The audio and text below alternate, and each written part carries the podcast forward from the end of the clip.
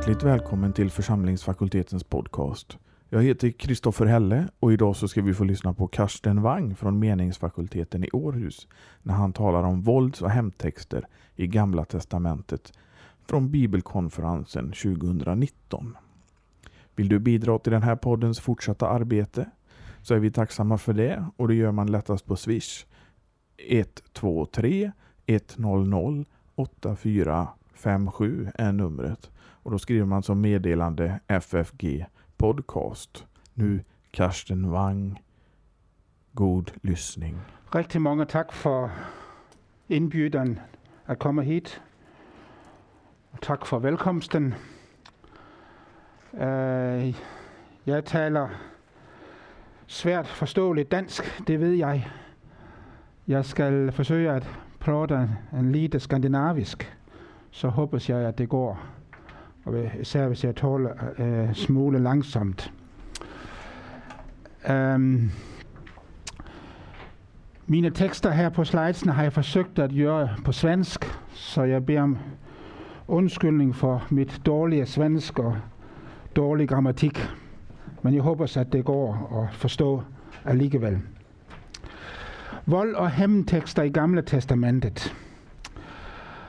Jeg kom til at gøre et øh, valg, og øh, jeg vil i dag øh, udelukkende øh, drøfte et bestemt sæt af voldtekster i uh, Gamle Testamentet, nemlig de, som befaler, at, eller Gud befaler, at Israel skal døde over vold på alle uh, landets oprindelige uh, indvånere. Hæmndtekster, hæmndsalmen kommer jeg ikke til at behandle i, i dag.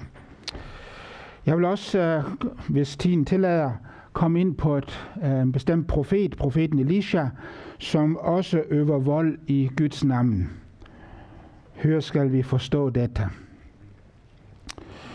Min egen erfaring er, at det er just disse tekster fra Mosebøgerne og fra Joshua-bogen, som øh, giver de rigtig mange bibeltro kristne store vanskeligheder, store udmaninger. For her kan Gud befale sit udvalgte folk at tilintetgøre uh, alle de oprindelige indvånere i Kanaans land. Det er et stort moralisk problem. Det er også en stor øh, udfordring for de, som ikke øh, kender Bibelens Gud, men øh, overvejer, er han den sande Guden. Det er en hindring for mennesker i Vesten at tage denne gyden på alvor. Og der er tekster, som vi ikke håbes, at vores gode ikke-kristne ven eller kollega vil læse i Bibelen. Og det er også en øh, problem for os. Bibelen er en vidunderlig bog. Her ser vi, hvordan den levende Gud har et stærkt ønske om at frelse et hvert menneske, uanset. For Jesu Kristi skyld. Og Bibelen viser os også, at et hvert menneske er værdifuldt, er værdefuldt i Guds øh, øjne. Mand og kvinde, sort og hvid, uanset vores baggrund, fordi han har skabt os i sit billede som menneske. Og Bibelen viser os, at Gud inderligt ønsker, at alle folk og slægter på jorden skal lære ham at kende og få del i hans velsignelse igennem Jesus Kristus. Så Bibelen er en vidunderlig bog.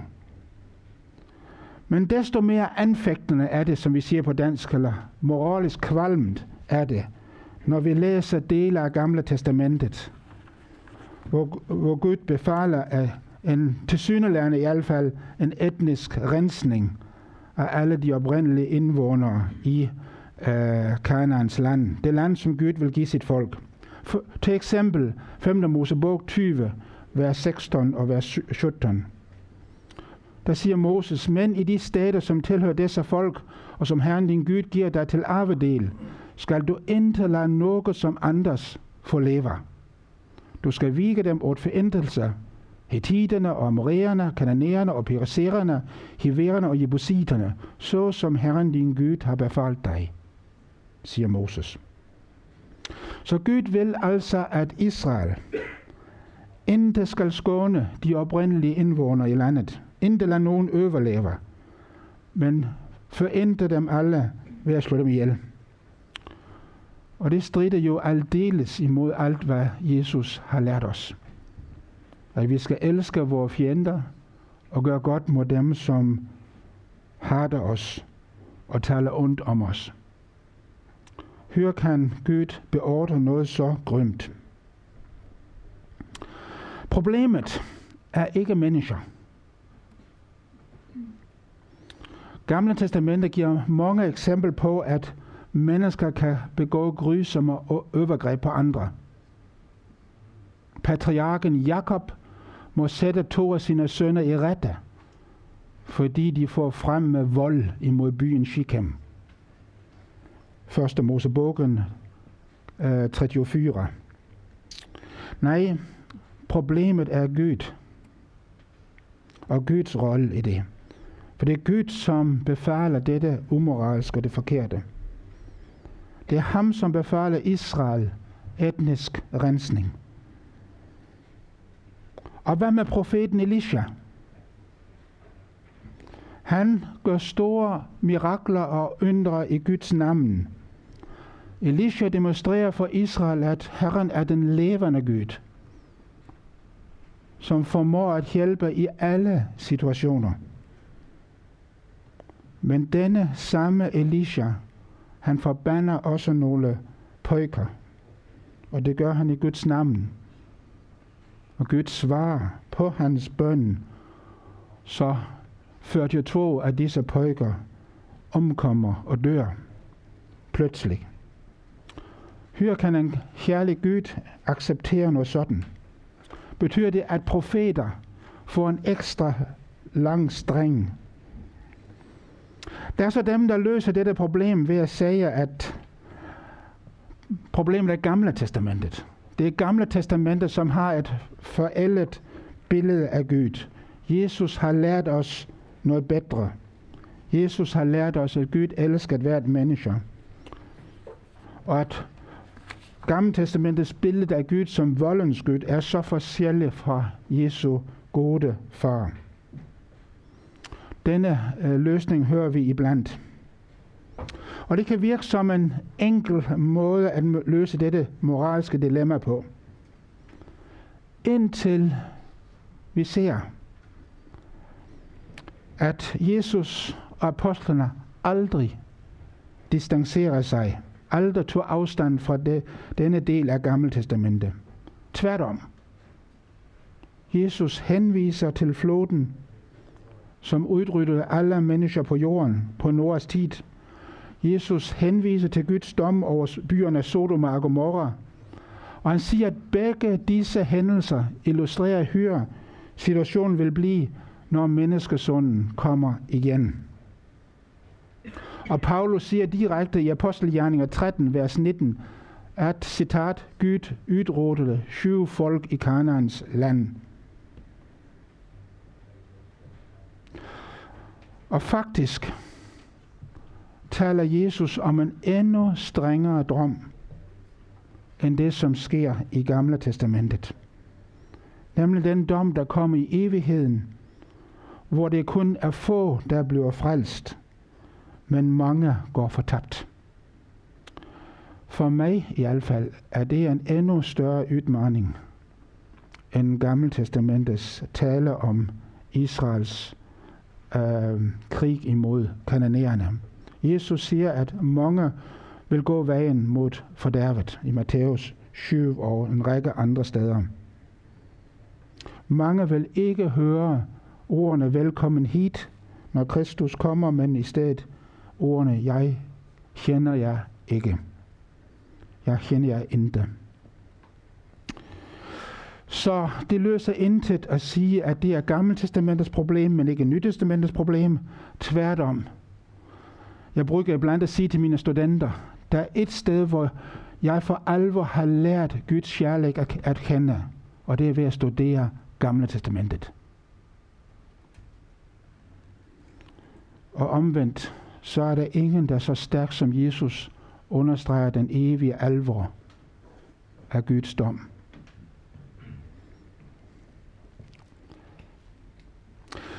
Det første problem, vi vil se på, det er Guds befaling om, at alle i landet, alle de oprindelige indvånere skal øh, dødes. Jeg forstår det som en total udryddelse af alle indvånere i landet, mand, kvinde, gamle, børn. Det hebraiske ord bag hedder herem, eller herem, og det betyder at indvige nogen til Gud, at overlemne vedkommende til Gud, og det vil sige at forintet gøre dem. Og det befaler Moses altså i Herrens navn, at israelitterne skal gøre, når de kommer til landet. De må ikke lade nogen overleve. Enten skal de fordrive kananæerne, eller de skal slå dem alle ihjel. Og det, man kan sige, at Gud holder sit løfte til fædrene om, at Israel skal få det der landet. Men det er kananæerne, som betaler prisen. Og vi læser i Bibelen, hvordan Joshua og folket lå alle indvånere i byen Jericho blive dræbt, med undtagelse af uh, den prostituerede kvinden Rahab og hendes familien. Og mange andre blev også dræbt i landet. I Josua 6, vers 21 hedder det, med svært øh, vigte de alle, som fandt i starten, åt forintelse. Mænd og kvinder, unge og gamle, okser, får og åsner. Tilsvarende ved byen Ej, og da de når til Hatzor i det nordlige Israel, også der blev alle dræbt. Hvordan hænger det i håb? Ja, allerførst skal vi kende og forstå Guds overgribende plan. Der skal vi tilbage til Abraham og hans kaldelse af Abraham. Når Gud kalder Abraham fra Ur i Kaldæa, og beder ham drage til Kanans land, og giver ham løfter om, at Abraham skal blive til et stort folk, så gør Gud det, fordi han ønsker, at alle jordens slægter skal blive velsignet gennem Abraham og gennem Abrahams afkom. Det er Guds plan. Det er derfor Abraham udvælges. Han slutter en pagt med Abraham for folkenes skyld. Ikke for at lukke folkene yde, men tværtom for at alle folk, alle slægter, alle sprog, alle kulturer kan få del i Guds velsignelse gennem Abraham og Abrahams øh, afkom. Det er Guds plan. Og det er, derf, den, øh, det er den overgribende øh, ramme for Guds ledelse af sit folk gennem historien. Videre ser vi rigtig mange steder hos profeterne, at Gud har et stærkt ønske om, at alle folkene skal søge honom i Jerusalem omkring templet, for at kende hans vilje, modtage hans lov og leve efter hans vilje.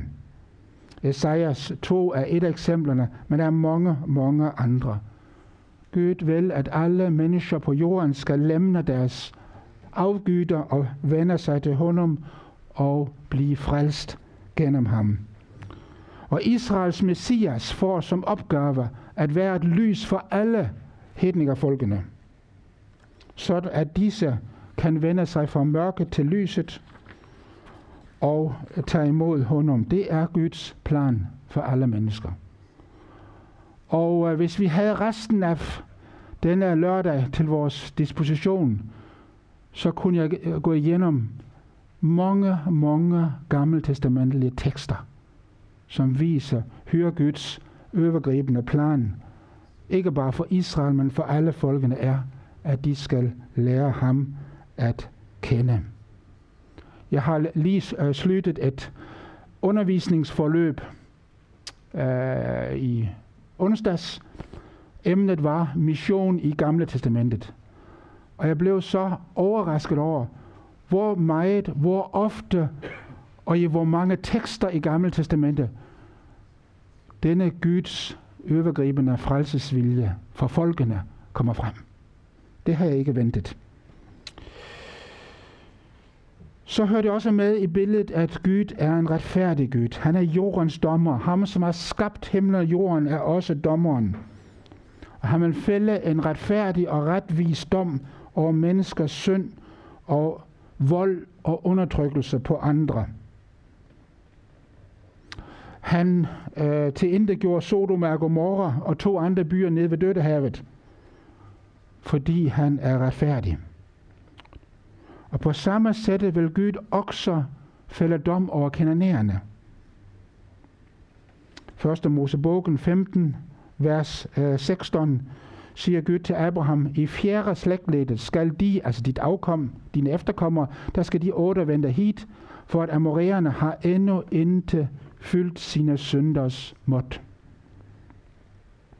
Amoræerne har endnu ikke fyldt sine synders småt. Amoræerne, det er et andet ord for kananæerne. Kananæerne var en af de mange folkegrupper, der var i, i landet. Amoræerne var en anden. Så Gud dømmer i rette tid. Han dømmer ikke før tiden. Han kan ikke fælde dom, før målet af skyld er fyldt. Fordi han er retfærdig og retvis. Og i 5. Mosebogen, kapitel 9, vers 4, vers 4-5, siger Moses til Israel, Når Herren din Gud driver under dem før dig, får du ikke sække dit hjerte. Det var på grund af min retfærdighed, som Herren lad mig komme ind i dette land og tage det i besidning. Det er nemlig ugudagtigheden hos disse folk, som gør, at Herren driver bort dem før dig. Det er intet gennem din retfærdighed, eller dit hjertes retsindighed, som du går for at tage deres land i besætning, uden det er til følge af ugudagtigheden hos disse folk, som Herren din Gud driver bort dem før dig. Og så opfylder, hvad han med et har lovet dine fader, Abraham, Isak og Jakob. Det er altså ikke fordi Israel er bedre, eller Israel er mere retfærdig end Kanans indvånere. Tværtom næsten. For det følgende ud, øh, forklarer Moses, at også Israel ved mange, mange situationer var på vej mod Guds dom. Til eksempel med guldkalven. Men også mange andre eksempler tager han frem. Nej, siger han, tværtom, du Israel er hårdhjertet. Men når Gud vil det, så er det som følge af ogudagtigheden hos disse folk. Det er fordi Gud vil dømme Kanan for dets uretfærdighed. Hør, var kananerne der uretfærdige. Ja, det siger Moses lidt længere fremme. Kapitel 12, vers øh, 31. Så skal du inte du gøre, altså så som kananerne gør. Så skal ikke du gøre, når du tilbeder Herren din Gud, eftersom alt, som Herren afskyer og hater, har disse, kananerne, gjort til sine Gudes ære.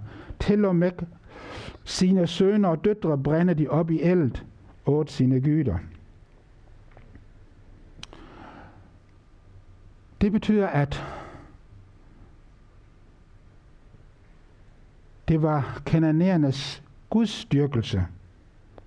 Deres sæt at dyrke deres skyde på, der var problemet.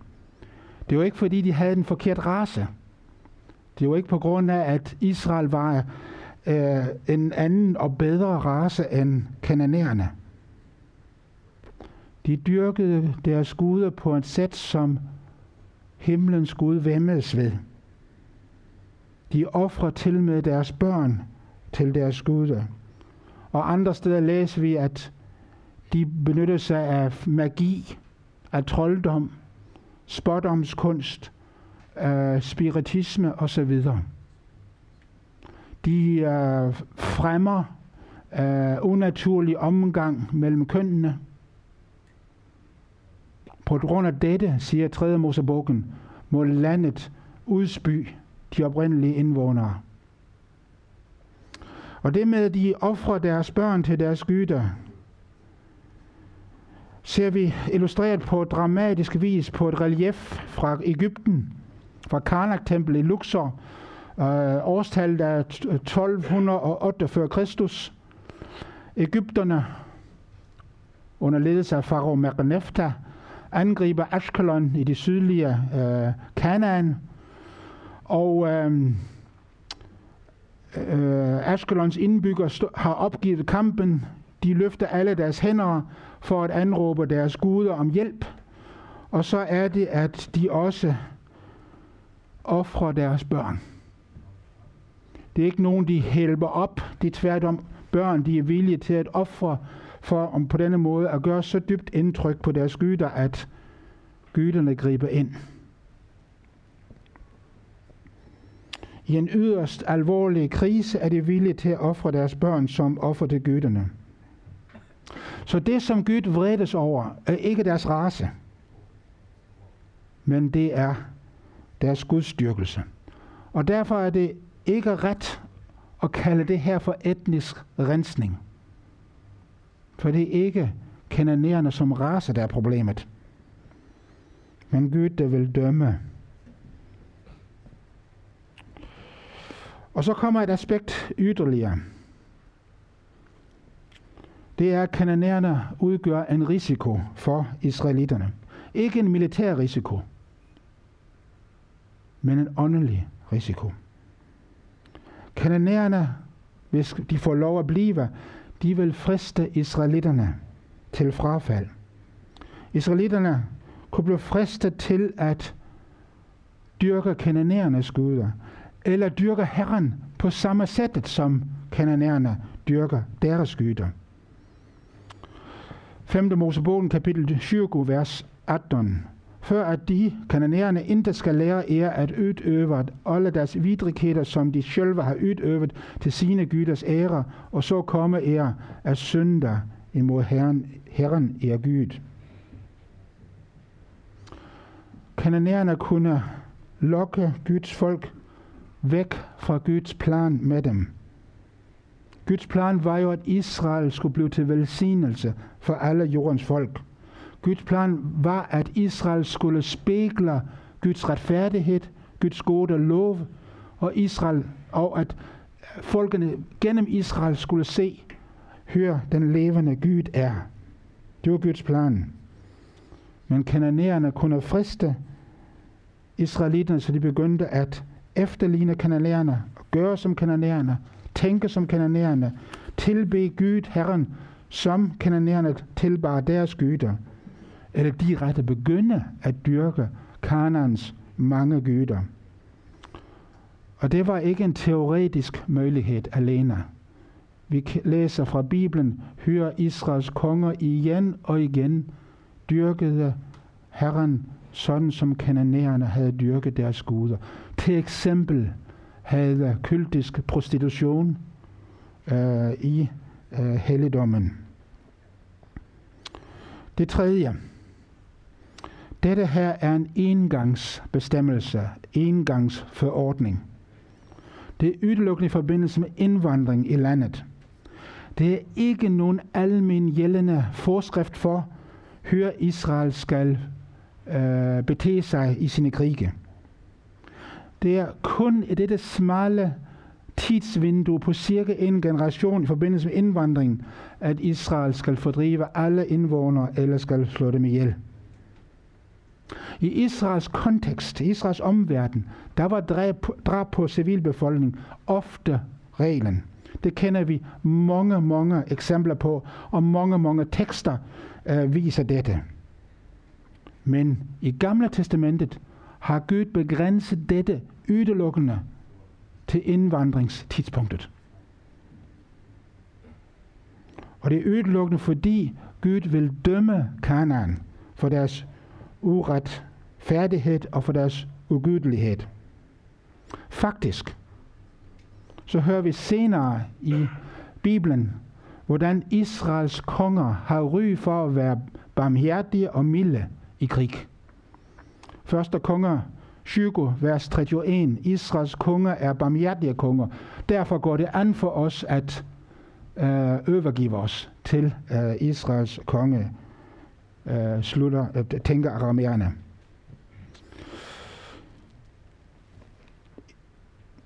Gamle testamentets grundholdning og grundformaning er noget helt andet. Det er, at Israel skal elske de fremmede og give de fremmede plads i deres land. Om de er flygtninge, om de kommer for at tage arbejde, om de kommer for at finde et stykke jord. Israel skal elske de fremmede. Og det er der en række eksempler på. Man kan sige, at hensyn til de fremmede er hele tiden vævet sammen med Israels lag. Overalt. Og i 5. Mosebog kapitel 10, vers 18-19 siger Gud det så stærkt, at Gud skaffer den faderløse og enken ret. Han, altså Gud, elsker fremlingen og giver honom mat og klæder. Også ni skal elske fremlingen, for ni har selv været fremlinger i Ægyptens land. Altså, Gud selv er den, der elsker den fremmede. Han elsker ikke kun Israel, og ikke kun Abrahams afkom. Han elsker også den fremmede, siger Moses. Og derfor skal Israel spejle Guds kærlighed den måde, som de giver fremmede plads. Fremmede må tage del, eller må tage del i Israels gudstjeneste. Frem, den, øh, fremlingen må få del af tiendet, der er givet til Guds ære. Og den fremmede må også hver syvende år komme i helligdommen, og der hører Guds lov læst op. Og sammen med Israel priser Gud for alt, hvad han har givet. Så det er Gammeltestamentets grundindstilling over for fremmede. Og så er der en række eksempel i Gamle Testamentet, at der er kananæer, som blev reddet og ikke dødet. Den bedste eksempel det er Rahab og hendes familie.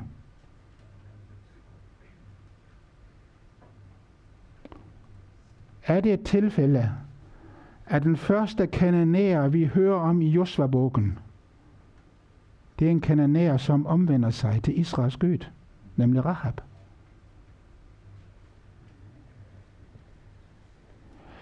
Også flere andre blev rettet, for eksempel starten Gibeon og en række små landsbyer rundt Gibeon. Det var ved bedrag, men det, det var lige meget. De blev rettet. Og Rahab, hun bekender, at Israels Gud er den sande Gud, den levende Gud. Josua 2, vers 11. Havde andre kanonærer på uh, liggende sæt også uh, bekendt sig til Israels Gud, vil de også være blevet skånet, er jeg sikker på. Og da vi kommer frem til Davids tid, og David erobrer Jerusalem fra jebusitterne, hvad gør David så? Han slår ikke jebusitterne ihjel. Han driver dem ikke bort. Han lader dem blive boende, og de blev en del af Judas stamme. De blev en del af Israel med tiden. Der findes et øh, lille vers i Zakarias bog, øh, kapitel 9, vers 7, øh, som jeg øh, støtte på i går, og jeg har aldrig tænkt på det før. Sammenhængen, konteksten taler om filistrene. Israels fjender, nummer et, filistrene. Men også Gud vil lade filistrene blive en del af Guds folk. Nær jeg rygt blodmarten ud af filistrenes mund og det vidrige fra deres tænder, då skal også de få blive kvar åt vor Gud. Selv filisterne skal blive kvar for vor Gud. De skal blive, altså genfilisterne, som stamfyrste i Juda, og Ekrons folk, Ekron det er en af byerne i Filistea, Ekrons folk skal blive som jebusiterne. Her ser vi, at jebusiterne er blevet en del af Guds folk, og det skal even gælde for filistrene.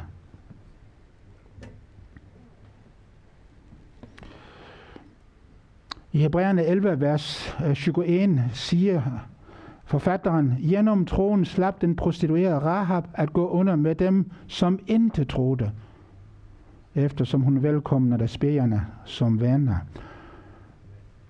Dem, som ikke troede. Dem, som gik under, dem, som blev dødet, det var dem, der ikke troede. De kananerer, som ikke fulgte Rahab og gjorde, som hun gjorde. Og dertil kommer så, at Gud bruger nøjagtigt den samme målestok over for sit eget folk. Han gør ikke forskel. Han er ikke partisk. Han er ikke nogen snæversynet nationalgud. Moses siger, at hvis Israel er ulydig og bryder pakten og ikke vil omvende sig, ja, så vil Gud straffe folket med den samme straf. Så vil folket møde den samme dom, som kananerne mødte. Fjendtlige herrer vil komme, de vil plyndre, de vil slå ihjel, og de vil fordrive Guds folk fra landet. Og profeterne forkymmer det samme budskab, til eksempel Hosea, kapitel 14, vers 1. Samaria, hovedstaden i, øh, i Israel. Samaria skal stå med skyld, for hun har været oprørsk mod sin Gud.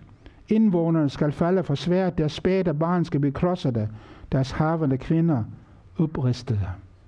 Det er altså Guds øh, advarsel imod øh, til Israel.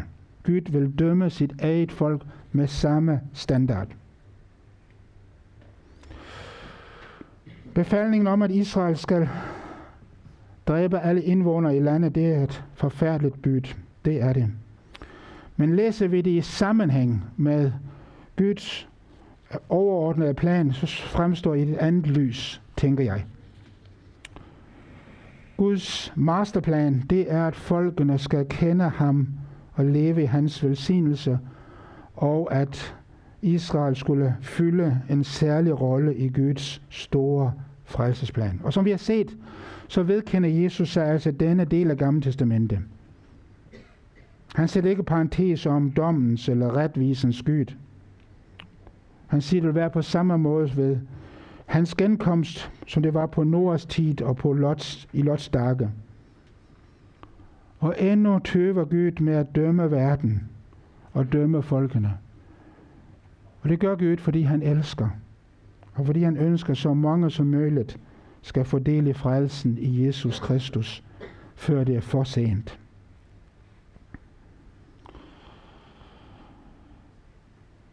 Jeg vil også, at vi lige skal stanse ved umoralske profeter. Og det er så profeten Elisha. Ifølge 2. kongebogen, kapitel 2, vers øh, 23 og 24, så udtaler Elisha en forbandelse over en flok små pojker i Herrens navn. De driller ham lidt, som vi siger på dansk, de redder honom lidt. Mange af dem dør. Og kan det virkelig være rigtigt, at profeten på dette sæt lader sit dårlige humør gå ud over nogle halvstore pojker? Det synes som om, at profeten her overreagerer helt vildt i forhold til situationen. Han misbruger sin profetiske autoritet, kan vi tænke. Og det værste er igen, at Gud reagerer på forbandelsen, opfylder den. Hør skal vi forklare denne tilsyneladende så umoralske opførsel fra profetens side. Lad os læse teksten. 2. kongerne 2, vers 23 og 24. Derefter begav Elisha sig op til byen Betel. Medan han var på vej dit op, kom en gruppe unge pojker ud ur staden. De började håne honom og råber til honom, op med dig flintskalle, op med dig flintskalle. Han vendte sig om og så på dem og forbandede dem i Herrens navn. Der kom to bjørnhåner ud over skogen og rev ihjel førte jo to af pojkerne.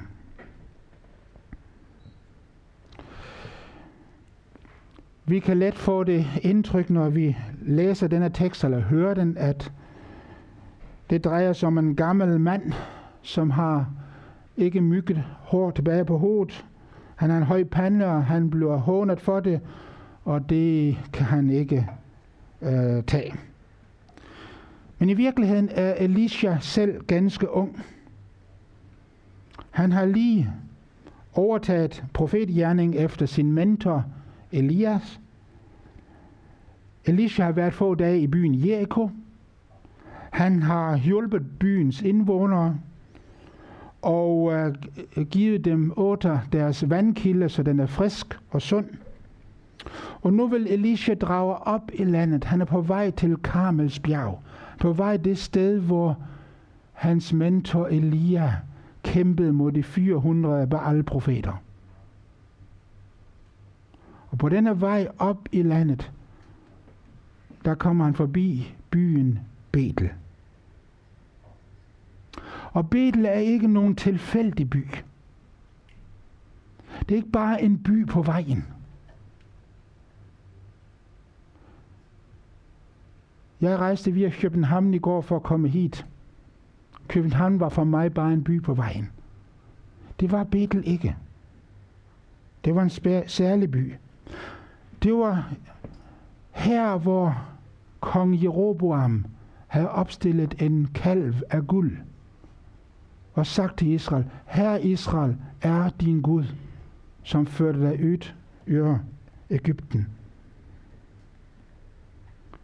Her tilbad man Herren i form af en guldkalv. Betel det er centrum for en forvrænget dyrkning af, dyrkelse af Herren. I denne by gjorde der sig en vældig alvorlig åndelig og teologisk misforståelse gældende. Betel var ikke nogen neutral by. Jeg har citeret fra Svenska Folkbibelen. Den siger i vers øh, 23, unge pojker. Den svenske oversætning, svensk 2000, siger småpojker. Og videre, 42 øh, børn bliver dræbt. I parentes det samme gør den danske bibeløversætning. Små drenge, små barn. Her er det den svenske folkbibelen, som er tættest på øh, grundtekstens mening. Det hebraiske ord, som bruges her, betyder, betyder ofte ung mand. Kan bruges om unge mænd op til 30 år gammel. En teenager, en tonåring, eller også en, som er ældre end øh, teenagealderen. For eksempel om kong Salomo. Han siger om sig selv, da han som cirka 20 år gammel blev konge, konger, og siger han, jeg er kun en ung mand. Det samme ord, naa. Og til, øh, på samme sæt gør Jeremia i, ved øh, kaldelsen i Jeremia 1. Jeg kan ikke tale, herre, for jeg er for ung på hebraisk. Jeg er nara. Det samme ord. Det er heller ikke rigtigt, at der var 42, der blev dræbt af to hundbjørne den dag. Det ord, som i vores bibel hedder rev ihjel dem, det betyder, at bjørnene rev dem sønder. Det vil sige, maltrakterede dem, stymper dem. De unge mennesker blev alvorligt lemlæstet ved møde med bjørnene. Helt sikkert også nogen så mygget, at de døde efterpå. Men teksten siger intet, at alle 42 døde. Heller ikke, de fleste døde. Men de blev stempede. Så hvad sker her? Elisha, den nye profet for Herren, han passerer byen Betel på vej op mod Karmels bjerg. En stor flok af Betels unge mænd genkender Elisha, husker ham som den medhjælp, der fuldtes med profeten Elias. Og de ser ham komme gående på vejen, langt nede. Og de står oppe ved Betel. Betel ligger højt. Højt oppe i terrænet. Så står de oppe og råber ned til ham. Og måske de kommer med stikpiller, eller stålpiller, til hans tjeneste for Gud. Elisha trækker på skuldrene og går videre. Han vender ryggen til dem. Men nu forstærker de unge deres spot, så råber de til ham, op med dig, flintskalle, op med dig. Det vil sige, kom herop, flintskalle. Pointen er, de unge, unge mænd kan ikke se, hvor mykket hår Elia har. Elisha har. For Elisha går med hovedbeklædning, som alle mænd gjorde. Dengang og også i dag i Mellemøsten. De kan ikke se, hvor mykket hår Elisha har på hovedet. Alle mænd i Mellemøsten, også i dag, går med hovedklædning. De eneste, som ikke gør det, er turister fra Vesten. Også på dette gamle foto fra cirka år 1900 ser vi fra en bryllupsprocession i tyrkisk Palæstina, der ser vi, at alle mænd har forskellige former for hovedklædning eller hovedbonader på. Ingen går med bare hovedet. Så når disse unge mænd håner Elisha, så må det referere til noget andet, end han har for lidt hår på hovedet, for de kan ikke se, hvor meget han har. Kanskje Elisha har været en nasir eller nasirer. Det vil sige en, som har lært sit hår vokse i kraft af sin indvielse til Gud. Hvis det er rigtigt, så håner de unge mænd ham, fordi han har indviet sig til Gud og står til hans disposition. Og der er det, at Elisha vender sig om og udsiger en forbandelse over dem i Herrens navn. Deres hån af profeten er en hån af den levende Gud, som har kaldet profeten. Og der lader skaberen to hundbjørne pludselig komme ud af skogen og overfalde de unge mænd med en sådan aggressivitet, så hele 42 af dem bliver stømpede, og nogle af dem dør helt sikkert. Så denne episode skal vise os, hvor alvorligt det er at håne Gud og håne den kaldelse, som han har givet. Og igen med Elisha vil Gud øh, øh, øh påminde os om, hvor alvorligt det er, når han, Gud, kalder os til at forlade alle vores afgyder, og i stedet stole på ham alene. Der er ikke tale om uskyldige pojkstræk ved vejen, men en bevidst hånende provokation. Gud gjorde store under igen med Elisha, men her gør Gud en anden under, nemlig dommens forfærdelige mirakel. Pludselig bruger Gud skabningen, det vil sige to hundbjørne, i sin dom over disse unge mænd. Og lad os da sammenfatte. Jesus vedkender sig dommens, øh, Guds dom, Guds retvisen, sådan som Gammeltestamentet fremstiller det. Og befalingen om, at alle Kanans indvånere skulle dræbes eller forvises, står i en ganske bestemt sammenhæng, nemlig Guds dom over Kanans afgudstyrkelse, Kanans børneoffer, Kanans magi og Kanans udflyttende øh, seksuelle praksis, som man til, øh, til med fremmer øh, seksuel samkvem mellem folk af samme køn, som vi læste i 3. Mosebogen, kapitel 18. Dette er en indgangsforordning. Det gælder udelukkende i en ganske bestemt snævert tidsfønster, nemlig indvandringen. Ikke efter. Og aldrig, aldrig nogensinde i skriften brugt som en model for, hvordan Guds folk skal agere. Og Guds store frelsesplan for folkene, det er, at han ønsker at give dem sin velsignelse gennem Abrahams slægt og gennem Abrahams folk. Og det er ind i dette helhedsbillede, vi skal se dommen over Kanaan. Og med tiden, så blev afskillige af folkene i Kanaan jo en del af Guds folk, som vi har set. Gammeltestamentets grundbyt, det er, at de fremmede skal I elske. I skal sørge for dem, tage vare på dem. For sådan har Gud elsket ære. Og så til sidst.